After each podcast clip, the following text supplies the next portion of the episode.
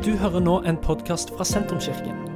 Vår bønn er at du skal få lov til å oppdage mer av hvem Gud er, og hva slags liv han har for deg. Mer informasjon om hvem vi er og hva som skjer i kirka, befinner du på sentrums.no og i sosiale medier. Um, og Jeg hørte Thomas i går. og Jeg har jo hatt gleden av å høre han mange ganger. Uh, men uh, Thomas, jeg har lyst til å si, vet du hva? Jeg, du er en gave til Norge og til oss. Og har en utrolig evne til å formidle Jesus, håpet og troen, både muntlig og skriftlig. Anbefaler de som ikke gjør det, til å følge Thomas på sosiale medier. Fordi han er en stemme som tør å løfte opp Jesus og sannheten og nåden. Eh, og jeg er så takknemlig for det at du bruker stemmen din, både i mikrofonen, men òg på de andre plattformene du har. Eh, og eh, ja. Vi er utrolig velsigna, Thomas, som har deg. Og at du kommer hjem til sentrumkirka, er vi jo ekstra glad for. Så vi gleder oss til å høre, og vær frimodig og del det som Gud har på hjertet ditt denne søndagen. Takk, tusen takk. Det var jo veldig fint, da. Det setter jeg pris på. Og jeg har sagt det eh, før og jeg sier det igjen. Dette fellesskapet har betydd alt for meg. Du skjønner det, og, det, altså det er lett å peke på noen sånne Eh, altså jeg har hatt noen opplevelser med Gud som på en måte har merket meg, det tror jeg, men det største mirakelet er kanskje at han satte meg sammen med andre mennesker i et fellesskap sånn som dette.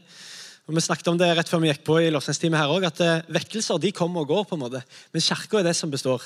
Vekkelser eh, de kommer ofte ut ifra eh, en gjeng med mennesker som er trofaste med hverandre, og så lander de ofte også i en gjeng med mennesker som er trofaste med hverandre. Og Det har definitivt vært sant i mitt liv. at det, Altså de, Alle de høydepunktene som, og der jeg opplever at Gud har merka meg og gjort noe med meg, de har betydd mye. Men det er ingen som skal måle seg med det kristne fellesskapet. Med mennesker som var trofaste inn i mitt liv, og som har trodd på meg og som har elsket meg og som har gitt meg sjanser. Og Solveig er en av de som ga meg sjanser lenge før jeg burde, eh, og lenge før jeg fortjente det. Men eh, det har betydd alt for meg. Så uh, utrolig kjekt å dele denne, denne søndagen her. Framtidstro står det på skjermen. og jeg håper at vi nå skal få lov å undersøke litt om det fins legitime grunner for å ha tro på framtida i en tid som denne, i en verden som dette. Eh, jeg tenker Det er et spørsmål å stille, for eh, vi lever jo i en ganske sånn intens kultur, hvis det er lov å melde det. Det er litt sånn at eh, Hvis du ser til venstre, så ser du ofte ekstremister som får tak på våpen og tar livet av uskyldige. Ser du andre veien, så ser du gjerne fanatikere som er opptatt av å, av å, å kansellere stemmene til mangfoldet. Og Hvis du ser ingen av veiene, så får du det i fleisen likevel. Gjennom sosiale medier og Mark Zuckerberg og Elon Musk og hele, hele gjengen der. Eh, mediehusene de kappes jo om å lage størst mulig orkan i vannglassene sine der. Og eh, så har du alle disse intense influenserne som lurer bak hver en busk, og som prøver å gi meg og deg mest mulig dårlig samvittighet for at vi ikke mener nøyaktig det samme som de. Og På toppen av det her så har kanelboller blitt veldig dyrt i det siste. hvis du har lagt merke til det. Veldig dyrt. Og nå når du sauser dette sammen med, sant, med, pandemier og algoritmer og Putin og strømpriser og sånn, da, da, er dette altså dette er en ganske dødelig miks. Eh, og da lurer jeg på, Fins det egentlig grunn for å ha framtidstro? Midt oppi alt dette, denne litt sånn intense kulturen så påstår ikke bare jeg at man kan ha fremtidstro, men Bibelen og den kristne troen legger også opp til at meg og deg kan gå med rak rygg. Vi kan gå med et hode som er heva mot en framtid og mot en nåtid, for å være ærlig, som kanskje er prega av ganske mange ting eh, som, som, gir oss egentlig legitime grunner for å eh, egentlig bøye hodet og, og, og liksom være redd eller frykte og sånne ting. Men bare et eksempel fra Jeremia der israelsfolket har eh, har blitt ført eh, inn til Babylon i eksil. De er et nytt land i en ny kultur, og der har de ikke lov å praktisere troen sånn som de er vant til. Eh, og Her er det under helt andre kår, det er en helt annen liksom, styresett og makter og myndigheter de skal forholde seg til. Og, og, og Da sier jo faktisk Gud til dem at de tankene som jeg har for dere, det er fredstanker, sier han. Det er ikke ulykkestanker. Og så sier han jeg vil gi dere framtid og håp. Det er sånn Gud fungerer, i sånne intense kulturer. Og jeg tror at det akkurat samme budskapet eh, blir gitt til dagens kristne i Vesten. Der man kan kanskje hver gang man åpner VG, liksom, eller hver gang man åpner en, en sosiale medier-app, så, så, ser man grunner for å liksom, skjule seg eller frykte eller, eh, eller lure på liksom, hvor, hvor skal dette gå. Men midt oppi det så er det en stemme fra himmelen som sier men jeg har framtid og håp for deg. Jeg har fredstanker, jeg har ikke ulykkestanker. Det kommer en framtid. Du er på vei et sted. Det er en evighet som, er, som, går deg i møte akkurat nå, som gir deg grunn for å leve med framtidstro. Her har du en tese til å begynne med. Dette er min tese, du får teste den sjøl. Men jeg tror at grunnen til at vi ser en sekularisering nå i Vesten, altså at man, det er et helt samfunn som beveger seg vekk fra Gud i et omfang og i et tempo som man knapt har sett tidligere. Jeg tror at grunnen til at man ser det, det henger ikke nødvendigvis sammen med at vitenskapen nå har begynt å gi svar på eksistensielle spørsmål. Jeg tror ikke det er det som skjer. Noen tenker det, ja, men nå har vitenskapen kommet så langt, nå har vi fått så mye informasjon, vi har lært så mye, vi har liksom står på skuldrene av liksom hundrevis av år, tusenvis av år med vitenskap og kunnskap. Men jeg tror ikke det er det som skjer.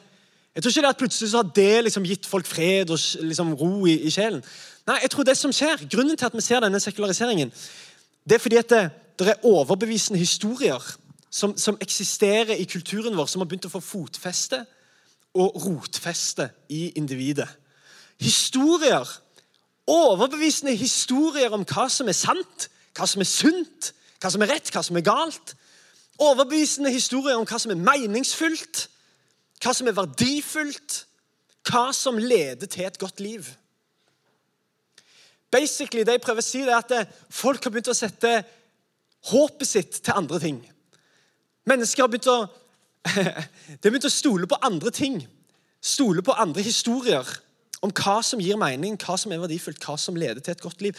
Og Når man bruker ordet håp, nå er det litt viktig at vi er på samme side, at man ikke misforstår ordet håp, fordi vi bruker det i dag sånn, egentlig for å snakke om noe som er helt usikkert. Jeg håper det blir fint vær. liksom. Håper at dette går bra. Håper det fins en Gud, håper det fins en himmel. Og så bruker man det også i den kristne språket sånn. At vi håper det. Akkurat som, man snakker om liksom en sånn helt sånn blind usikkerhet. Jeg har ikke peiling, men jeg håper det. Men det kristne håpet er ikke, det er ikke, en, det er ikke en usikkerhet om noe du ønsker deg. Det kristne håpet er visshet om noe du ennå ikke har fått. Det er to helt forskjellige ting. Jeg snakker ikke om usikkerhet om noe som du ønsker skal skje. Jeg snakker om vissheten om at det går deg en evighet i møte som du bare ennå ikke har fått. Det er det kristne håpet. Jeg lever i håpet om at en dag så skal alt bli nytt. En dag så skal alle tårer tørkes bort. En dag så skal det ikke være mer eh, skrik og smerte. En dag så skal ondskapen bli gjort slutt på, og alt skal bli nytt. Og vi skal få lov til å leve sammen med han i nærheten hans. Eh, og Han skal være konge, og vi skal få lov til å regjere sammen med han. Det er det kristne håpet. Ikke usikkerhet, men visshet om noe vi bare ennå ikke har fått. Et eksempel. Se for deg nå at du ligger på Borestranda, f.eks. Og det er superdigg. Se for deg nå at det var liksom 10 grader varmere enn det er i dag. da, sant? Supervarmt. 35 grader. Altfor varmt, tenker du. Og så er er det ikke engang vind, så det er, liksom, det er helt, liksom, helt ulidelig der på stranda. Og du har tatt med deg altfor lite vann og altfor lite liksom, mat. og du liksom, I begynnelsen var det digg, men nå tenker du sånn Hæ, dette er jo helt forferdelig. Og så, plutselig, hører du lyden av isbilen. Sant? Da endrer alt seg. For da i et millisekund, selv om du var helt utmattet, orker ingenting, plutselig så hører du lyden av isbilen, og da spretter du opp. Og så tenker du wow! Nå ordner alt seg! Eh, og du har ennå ikke sett isbilen, du har ennå ikke smakt på isen, men lyden har gitt deg en visshet om at nå endrer alt seg. Det er et teit eksempel, men poenget er at håp er ikke en sånn usikkerhet. Jeg håper at det kommer en befrielse. Nei, det er vissheten om, for jeg har hørt lyden av det. Jeg har en fornemmelse av det. Jeg har, jeg har, sett frukten av det allerede nå. Jeg vet at det ikke har oppslukt meg helt, men jeg er allerede i et fellesskap. Jeg er allerede i et nærvær. Jeg har allerede kjent på Guds fred. Jeg har allerede, allerede erfart åndens frukter. Jeg har allerede, erfart åndens gaver. Jeg har ikke sett det fullt ut. Jeg har ikke nødvendigvis smakt på himmelen, jeg har ikke nødvendigvis sett riket med egne øyne, men jeg har hørt lyden av det. Det er vissheten om At alt kommer til å endre seg. Og det gjør ikke bare noe med hva du tenker om i morgen. Det gjør noe med hva du tenker om i dag. Det håpet du har for i morgen, avgjør faktisk hvordan du lever livet ditt i dag. Jeg vet ikke om du har tenkt på det. Men det håpet som du har for i morgen, det avgjør faktisk hvordan du lever livet ditt i dag. Og Det er nettopp det som jeg tror er litt sånn utfordringen med vår tid. Det at folk har, det folk ser for i morgen, er helt annerledes enn egentlig det kristne håpet ser. Fordi det kristne håpet er altså en visshet om at det fins en Gud som ser meg, og som har en plan for meg, og som bryr seg om meg. Altså, Det er en visjon der framme som jeg tror på. Det påvirker ikke bare hva jeg tenker om i morgen, og liksom, joho, det fins et liv før døden. Men det påvirker òg min tanke om i dag. Der jeg lever også med denne tanken om at wow, det fins et liv for meg før døden. Det er et liv som jeg skal leve her før døden. Og det jeg gjør nå, det får evige konsekvenser. Så det håpet som jeg har i morgen, det, det avgjør også hvordan jeg lever livet mitt i dag. Du skjønner det at eh, Når man leser nyheter, og vi kan bli liksom frustrert av mange ting i nyhetene, så kan man tenke liksom sånn der eh, liksom, det, All slags overskrifter som, som, kan være veldig sånn øh, liksom, Du blir helt satt ut av det. Og så er politikere og alle er jo like satt ut. Alt er et eller annet med russen. Sant? Alt er et eller annet. Hvert år alle like overrasket over russen. Sant? Og øh, Det liksom slår aldri feil. Sikkert vårtegn. Russen. Og så er det et eller annet, så leser man sånne ting som jeg leste nå for ikke så mange øh, måneder siden, at, at 4% av alle mellom 16 og 24 år har prøvd kokain det siste året. Det er jo helt psyko høyt tall. Det er liksom tre ganger mer enn en i 2016. eller noe sånt. Og så kan man bli helt sånn der, Wow, liksom, hva er det som skjer? Og liksom Ungdommene bruker ni timer til dagen på TikTok. Og så kan man bli helt sånn hva er alt dette? Men vi snakker altså om en generasjon som tror at de kommer fra ingenting. Og er heller ikke på vei til noen ting. Da har det vel heller ingenting å si om hvordan du lever livet ditt. Altså Nå bare tenker jeg logisk. Hvis du tror at du ikke kommer fra noen ting, og ikke er på vei til noen ting, da har det ingenting å si hvordan du heller lever livet ditt. Men det er det som er så rått med det kristne håpet. At Jeg forstår hvor jeg kommer fra, og jeg forstår hvor jeg er på vei. Derfor har det noe å si hva jeg gjør med livet mitt i dag. Derfor har det noe å si hvordan jeg begynner morgenene mine. Derfor har det noe å si hvordan jeg møter andre mennesker. Derfor har det noe å si hva utdannelse jeg tar, og hva jeg gjør med livet mitt. For jeg har et håp jeg har en visjon jeg har en tro på det som ligger her framme. Og det påvirker hvordan jeg lever livet mitt i dag. Du skal få se et bilde av en fyr her som heter Viktor Frankel. Han var en jødisk professor i nevrologi og psykologi. Han overlevde altså eh, tre år i konsentrasjonsleir. Han, var, han ble flyttet rundt i flere sånne leirer. Og når krigen var over, så eh, var foreldrene hans eh, drept. Eh, Søsknene hans ble drept. Kona hans ble drept. Han hadde ikke så mye igjen der. Men han overlevde. Og eh, han er kjent for å være grunnleggeren av det som de kaller for eksistensiell psykoterapi. Altså Poenget hans var at og dette ble liksom veldig sånn for han mens han var i konsentrasjonsleir, at mennesker er først og fremst på jakt etter mening. I psykologien på denne tiden så tenkte de kanskje mest at mennesker var på jakt etter makt. Og Det var kanskje ikke så rart når du så liksom, liksom nazismen brøt fram, og sånn, at folk ville være en del av noe som ga dem makt. Men, men Viktor Frankel han, en, en, en, han kom fra en litt annen vinkel. Han sa nei, men jeg tror egentlig det som skjer, det er at mennesker er på jakt etter mening. Det, hvis, hvis, folk har mening, så har de òg drivkraft til å leve livene sine. Eh, du vet, Det er et sånt ordtak som sier så lenge det er liv, så er det håp. Men Viktor Frankel han påsto nei. Det som er i hvert fall minst like sant, det er at så lenge det er håp, så er det òg liv. Så lenge mennesker har håp, så fins det òg en grunn for å leve. Så lenge mennesker ser en mening med sin eksistens, så orker de en dag til. Og Viktor Frankel han forteller om en historie der mens han var i konsentrasjonsleir, så var det en av medfangene der som, eh, som hadde en drøm. Og Denne fangen hadde en drøm om at eh, krigen kom til å ta slutt 30. mars. Han, hadde, han, han, opplevde det som en drøm, og han, eh, denne fangen tenkte at det var en eller annen guddom som hadde vist ham dette. Han trodde det var en åpenbaring fra himmelen. Eh, at 30. mars så tar krigen slutt. da. Så han levde i dette håpet om at eh, snart tar krigen slutt. Han var helt overbevist. Eh, og så kom mars, og så kom eh, denne datoen begynte å nærme seg. Og Etter hvert som datoen nærma seg, så innså denne personen at eh, oi, dette tar jo ikke slutt. Det blir jo bare verre. Og etter hvert sakte, men sikkert så begynte han å miste håpet. Og Viktor Frankel forteller i en av sine bøker om, som han skrev i etterkant, at eh, den 29. mars så fikk denne medfangen feber. 30. mars var han bevisstløs.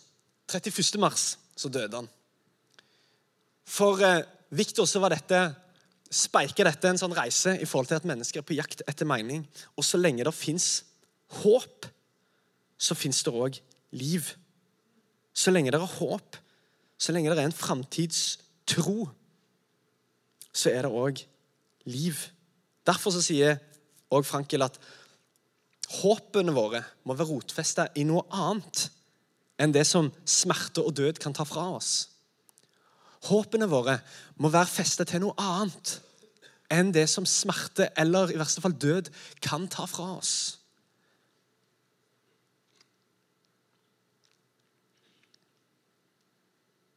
Hvorfor kan den kristne ha framtidstro? Jeg skal gi deg fire punkter. Jeg. Hvorfor kan den kristne ha framtidstro? Første jeg vil si til deg Jo, fordi Jesus har gitt oss Den hellige ånd. Hvorfor kan den kristne ha framtidstro? Jo, Jesus han har gitt oss Den hellige ånd. Se hva det står i Romerbrevet 8. Ånden, står det, er den første frukt av høsten som kommer. Ånden er den første frukten av høsten som kommer. Vi har fått allerede nå altså det, er, det er lyden av isbilen det er snakk om her. Jeg har fått allerede nå det som en dag jeg skal få fullt ut. Ånden er bare den første frukten. Tenk det. Dette er grunnen for å, for å ha håp, folkens. For å ha framtidstro. Fordi at Jesus har gitt oss allerede nå det som vi en dag skal arve fullt ut. Han har gitt oss den første frukten av høsten som kommer. til dette jeg elsker med pinse. Jeg elsker betydningen når vi kommer akkurat ut av pinsen her. Og jeg elsker betydningen av pinse fordi det er nettopp dette, den første frukten av høsten som kommer. Vi har allerede nå det som vi egentlig ennå ikke har. Det er, sånn som, det er akkurat som adventspresanger. Tenk over konseptet adventspresanger. Selv om det er lenge igjen til jul, så får du en gave nå. Og Du kan åpne den gaven, og så, wow, og så får du en slags sånn frampeik. Oi, wow, nå, nå gleder jeg meg i hvert fall til jul! Og Sånn er òg åndens gaver. Det er som sånne adventspresanger. Selv om det er lenge igjen til jul. Selv om det er lenge igjen til den store dagen med stor D. Selv om det er lenge igjen, eh, eller selv om jeg ikke vet egentlig når den dagen kommer, og når alt blir nytt. Men allerede nå så får du den første frukt av den høsten som kommer. Du har fått Den hellige ånd. Vi kan ha framtidstro fordi Jesus ikke har forlatt oss som foreldreløse barn, som det står. Han forlot oss ikke som foreldreløse barn. Klar dere sjøl. Nå har jeg vist et eksempel. Lykke til. Nei, han har også gitt oss kraften til å leve overnaturlige liv. Og du skjønner, Den kraften det er den kraften som kan fylle deg med en fred som overgår all forstand. Det er den kraften som kan fylle deg med en glede som overgår all forstand. Med et håp som overgår all forstand. Så lenge det er håp, så er det liv. Og Jesus han har gitt oss Den hellige ånd òg for at vi skal leve med dette håpet. Med denne hjelperen, med denne talsmannen, med denne livgiveren, som han kalles. Så Det er det første jeg ville si. Det andre det er at Jesus er den førstefødte blant de døde. Dette gir oss òg håp at Jesus sto opp fra de døde. Han er den førstefødte av de døde. Av alle som har dødd, så er han den første. Og det markerte, Faktisk så står det der at når han sto opp, eh, så var det faktisk gravene, det var faktisk graver som åpna seg. Når han døde på korset, så, så, så revna forhenget. Og, og, på en måte, det, det, markerte en ny tid. Og det står noen, noen som hadde vært døde, de sto opp fra gravene sine. det er jo helt speisa greie. Men det er et bilde på det som kommer. At en dag så skal vi alle stå opp. En dag så skal vi alle få nye kropper, en dag så skal vi alle bli nye mennesker. Og så skal vi alle stå opp. Det er håpet som jeg og deg, den, den kristne, lever i. At alt skal bli nytt, og vi skal leve nye liv. Og vi skal òg ikke bare dø, men vi skal stå opp. Jeg er oppstandelsen og livet, sier Jesus til Martha. Når, når de diskuterer broren som er død, Lasarus. Jeg er oppstandelsen og livet sier Jesus. Den som tror på meg, skal leve om han enn dør. Og hver den som lever og tror på meg, skal aldri i evighet dø. Jesus sto opp fra de døde. Det er ikke en symbolsk oppstandelse det er snakk om. Det er ikke en teoretisk, men det er en reell fysisk oppstandelse. Som er en profetisk forsmak på hva som venter den som tilhører han. Et transformert liv. Du skjønner, Mennesker vi har overvunnet mye greier. egentlig. Det er sykt å tenke på. Alt som mennesker har fått til. sant? Det eneste som står igjen, det er jo døden. Den siste store fienden. Vi har sendt folk til månen. Det er helt rått. Hvem hadde trodd det, liksom? For 1000 år siden. At folk skulle gå rundt på månen. Det er jo helt speisa. Eller eksempel bare at kan, jeg kan bare gjøre sånn Pip, pip, pip, pip, pip. Hallo, Kina. Altså, Det er normalt. Det er jo helt sykt at det går an. Helt real time, ingen delay, liksom. Vi har fått til sykt mye greier. Vaksiner og, og liksom eh, kunstig intelligens, som man snakker om nå, liksom. Og, og steinfri vannmelon har vi òg fått, faktisk. De bruk, dette har jeg akkurat lest om. De brukte, de brukte sånn åtte år i, liksom, i liksom studier og vitenskap sånn, for steinfri vannmelon. Hva er greia med det? Jeg liker tanken på en forsker som har så smart hode at han kan bli forsker, men så dum i hodet at han bruker livet sitt på vannmelon. Det er en interessant greie. På et eller annet tidspunkt så har denne vitenskapsmannen tenkt sånn hm, ja, Jeg kunne jo selvfølgelig brukt liksom, livet mitt på å sånn, forske på barnekreft, eller sånne ting, men dette her det må stoppe på et tidspunkt, tenkte han. At jeg har noen gang prøvd å ta opp en sånn fra gulvet liksom, som er helt sånn bløtt. Det er jo helt umulig. Så dette brukte han livet sitt på. Men vi har fått til ganske mye som mennesker. Men det er en fiende som står igjen. Det er døden, den siste store fienden. Og believe me, det er krefter og mennesker i, i sving her for å overvinne den fienden der. Kommer aldri til å skje. Men vi kan ha framtidstro fordi Jesus han har vunnet over den siste store fienden. Døden. Og hver den som tror, skal òg få lov til å ikke bare bli begravd med Jesus, men òg reises opp til et nytt liv. Han er den førstefødte av de døde, og vi skal få lov å gå i hans fotspor. Derfor sier Timothy Keller, som døde nå for noen uker siden, han sier derfor er det eneste døden kan gjøre for den kristne, det er å gjøre livet uendelig mye bedre. Og Jeg elsker denne tanken.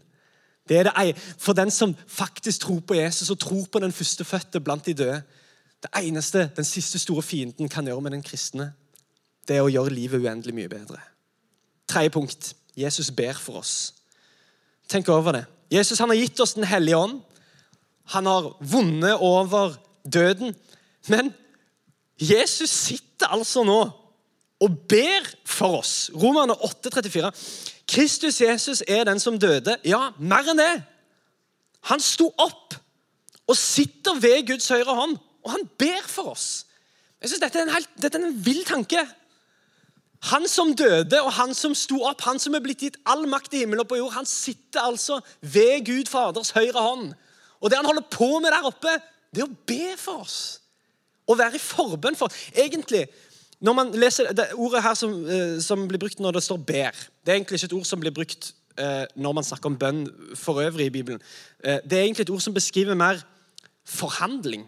Eller forbønn. Man kan gjerne bruke ordet forbønn men òg ordet forhandling. Det er akkurat som man sitter der oppe og litt sånn der på vegne av oss. Hver gang vi går gjennom et eller annet, eller hver gang vi bommer på målet, som er ganske ofte, og hver gang vi på en måte synder, så er det en som sitter der oppe og som er i forhandling med Gud. Og så sier han ja, ja, men se på meg. Se på, meg, se på mine naglemerker. se på, jeg, har, jeg er stedsfortrederen. Jeg er den som har levd det perfekte livet som ingen mennesker klarte å leve. Jeg er den som døde den døden som ingen mennesker hadde klart å dø. Og Han sitter der oppe, han ber for oss, han forhandler for oss, han, han er i forbønn for oss.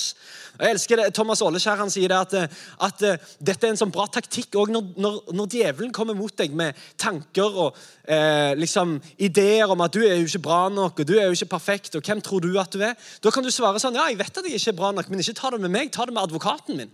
Skjønner du? For det er, ikke, det er ikke jeg som har frelst meg, det er han som har frelst meg. Så du kan ikke ta det med meg, ta det med advokaten min. Han som sitter der oppe, og som forhandler for meg, og som er i forbønn for meg, og som ber for meg. Dette gir meg framtidstro. Tro på livet mitt som jeg lever her og nå. At jeg ikke, jeg er ikke overgitt til min egen prestasjonsevne. Åh, For en grusom greie at man lever i et samfunn der folk er overgitt til sin egen prestasjonsevne. Du er bare noe i den grad du får til noe. Ja, Hvis ikke du er lykkelig, altså, finn ut av det, liksom. Gå din egen vei. Gjør det som liksom, Følg din egen drøm. Så driver man på å snekrer sammen et eller annet. Og så skal man liksom prestere for, for å liksom leve et liv som gir mening. Men vet du hva? Hvis du tilhører Jesus, så kan du få lov til å hvile i at det handler ikke om dine prestasjoner, men det handler om hans prestasjon. Det handler om hva han har gjort for deg. Det er det som gir deg identitet. Det er det som gir deg verdi. Og han ber for deg. Du er ikke overgitt til deg sjøl, men du er overgitt til hans hender. Framtiden din er ikke redusert til summen av dine beste anstrengelser. Nei, Jesus sjøl sitter ved Guds høyre hånd og han forhandler på dine vegne. Har, sett, uh, har dere sett Harry Potter? Fantastiske filmer. Og Der er det altså en fyr som heter Dumbledore, eller Humlesnurr, som de har oversatt det til norsk. Han, og Det er sånn legendarisk sånn scene der, eh, der, gjengen uh, er på sånn der uh, kosteskaft uh, og spiller sånn rumpeldunk, som det heter.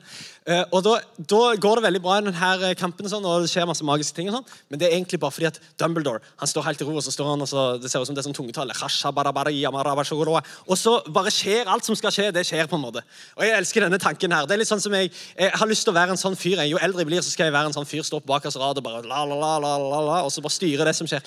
Eh, men, det, men, jeg bare liker liksom det, dette lille bildet. At det fins en som er på vårt lag. En, liksom en usynlig en som står der oppe og så ber han for oss. og så er han involvert i ting. Er ikke, Gud er ikke en sånn, han er ikke en sånn der inaktiv, eh, inaktiv intelligens på utsiden av vår tilværelse. Nei, han er dypt involvert. Han er dypt involvert i ditt liv. Og, og, og Hvis du bare er åpen for det og, og, åpner øynene dine for det, så ser du det. At han sitter der og han ber for deg. Han er på ditt lag. Han er din advokat. Hebreerne 7. Jeg tar med den også. Dessuten har det vært flere slike prester, sier da denne forfatteren, som, som på en måte har, har, har sona for folkets synder og gjort opp for folkets synder. Det har vært sånne, mange sånne prester, står det i Hebreerne 7. For døden hindret dem i å fortsette, men Jesus har et prestedømme som ikke tar slutt. Fordi han er og blir til evig tid. Derfor kan han også fullt og helt frelse dem som kommer til Gud ved ham. Fordi han alltid lever og går i forbønn for dem. Jesus sitt pressedømme tar aldri slutt. Han er det evige offeret, Guds lam. Fjerde punkt. Jesus sitter på tronen. Ja, Ikke nok med at Jesus har gitt oss den første frukten av den høsten som kommer. Ikke nok med at han har overvunnet døden og invitert oss òg inn i det livet der døden ikke skal stoppe oss. Ikke bare sitter han og ber for oss, forhandler for oss, er i forbønn for oss.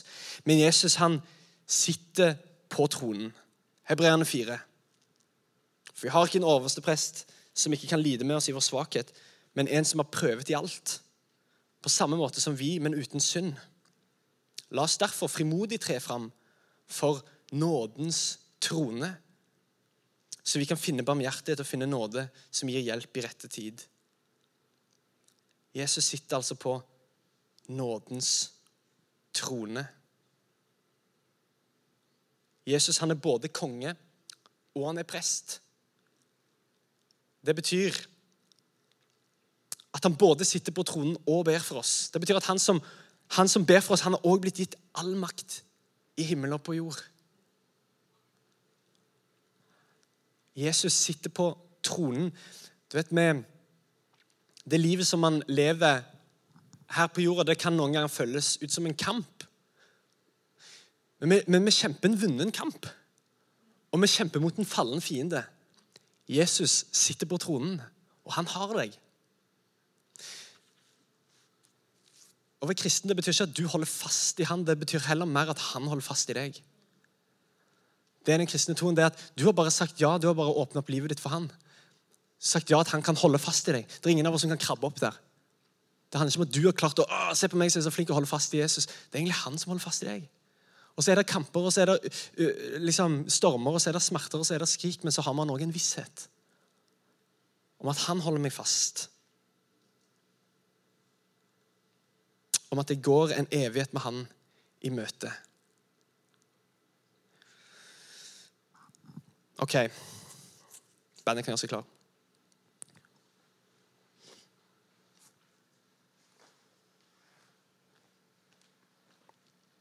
Siste tanke her.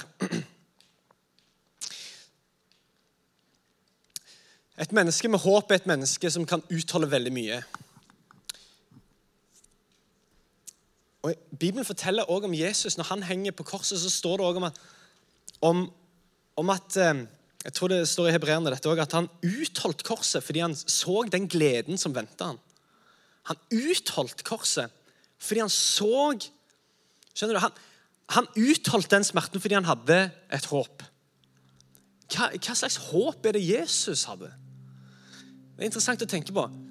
Hvis det er sånn at han, hvis grunnen for at han utholdt korset Vi snakker altså om, om han som har blitt gitt all makt i himmel og på jord. Her henger han frivillig. Ja vel? Hvorfor henger han der? Jo, fordi han hadde et håp. Han, det var en glede som ventet på han. Han så der, noe der framme. Hva var det han så?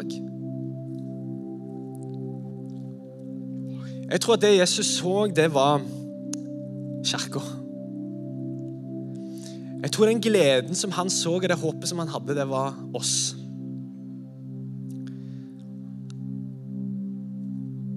Hvorfor døde Jesus? døde for fiendene sine. Han døde ikke bare for vennene sine, han døde for fiendene sine. Mennesker som var langt vekk ifra han. Men han, men han hadde dette håpet. Han hadde denne gleden i vente om fellesskap, om relasjon, om nærhet. Han hadde denne gleden, dette håpet om oss. Og vet du hva, Det er ikke før vi innser at vi er hans håp, at han kan for alvor bli vårt håp.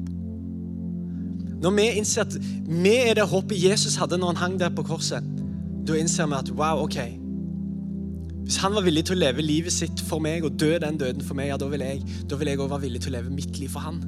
Da vil jeg òg gjøre han til mitt håp.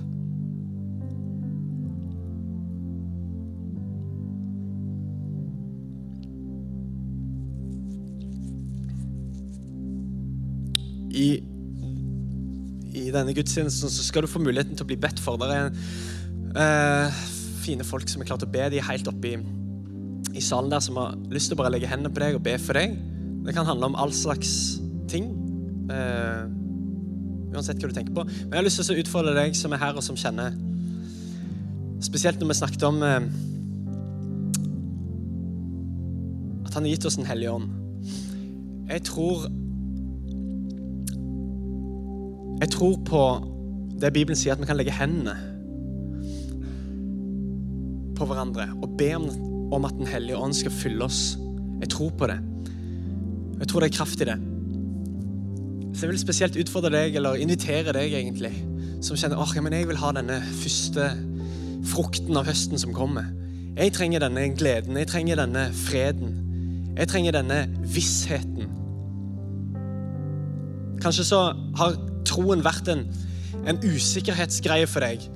Du har, eh, du har liksom føler at du har klamra deg fast til, til, noe usikkert. Men jeg tror ikke at Gud vil at du skal leve i usikkerhet. Jeg, at, jeg, tror at Han vil at du skal leve i en visshet. Ikke at du har skjønt alt, ikke at du har sett alt, men at du har hørt lyden av en framtid som er på vei mot deg. Og Vi har lyst til å legge hendene på deg og be for deg. Så mens vi nå tilber Jesus, så kan du få lov til å trekke ut og så gå opp bak der, og så er det fine folk som allerede har bedt for denne gudstjenesten. Kanskje har de et ord til deg, kanskje vil de bare be en enkel bønn for deg. Men, men ikke la muligheten komme og gå. For Jesus, han er her. Jesus, vi takker deg for at du er den som gir oss framtidstro. Jesus, vi takker deg for at du ikke forlot oss som foreldreløse barn, men du har gitt oss Den hellige ånd. Og Jesus, vi takker deg.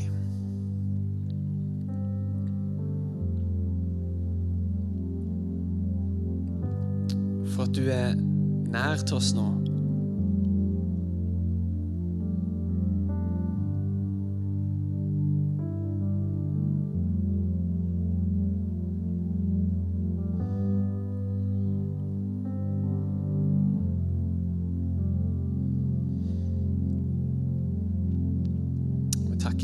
for at um,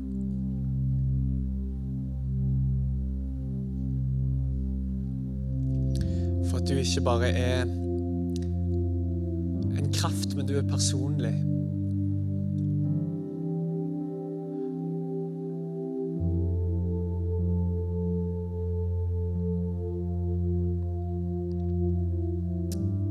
Og Derfor så ber jeg òg om at du fyller hver enkelt en av oss med med håp for framtida, uansett hvem man måtte stå i. At du fyller oss med overnaturlig håp. Som ikke bare endrer hvordan vi ser på framtida, men hvordan det òg kan endre hvordan vi ser på dagen i dag.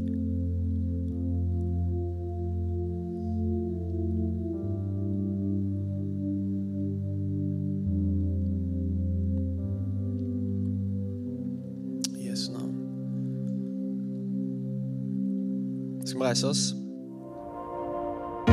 Dette er slutten på denne podkastepisoden.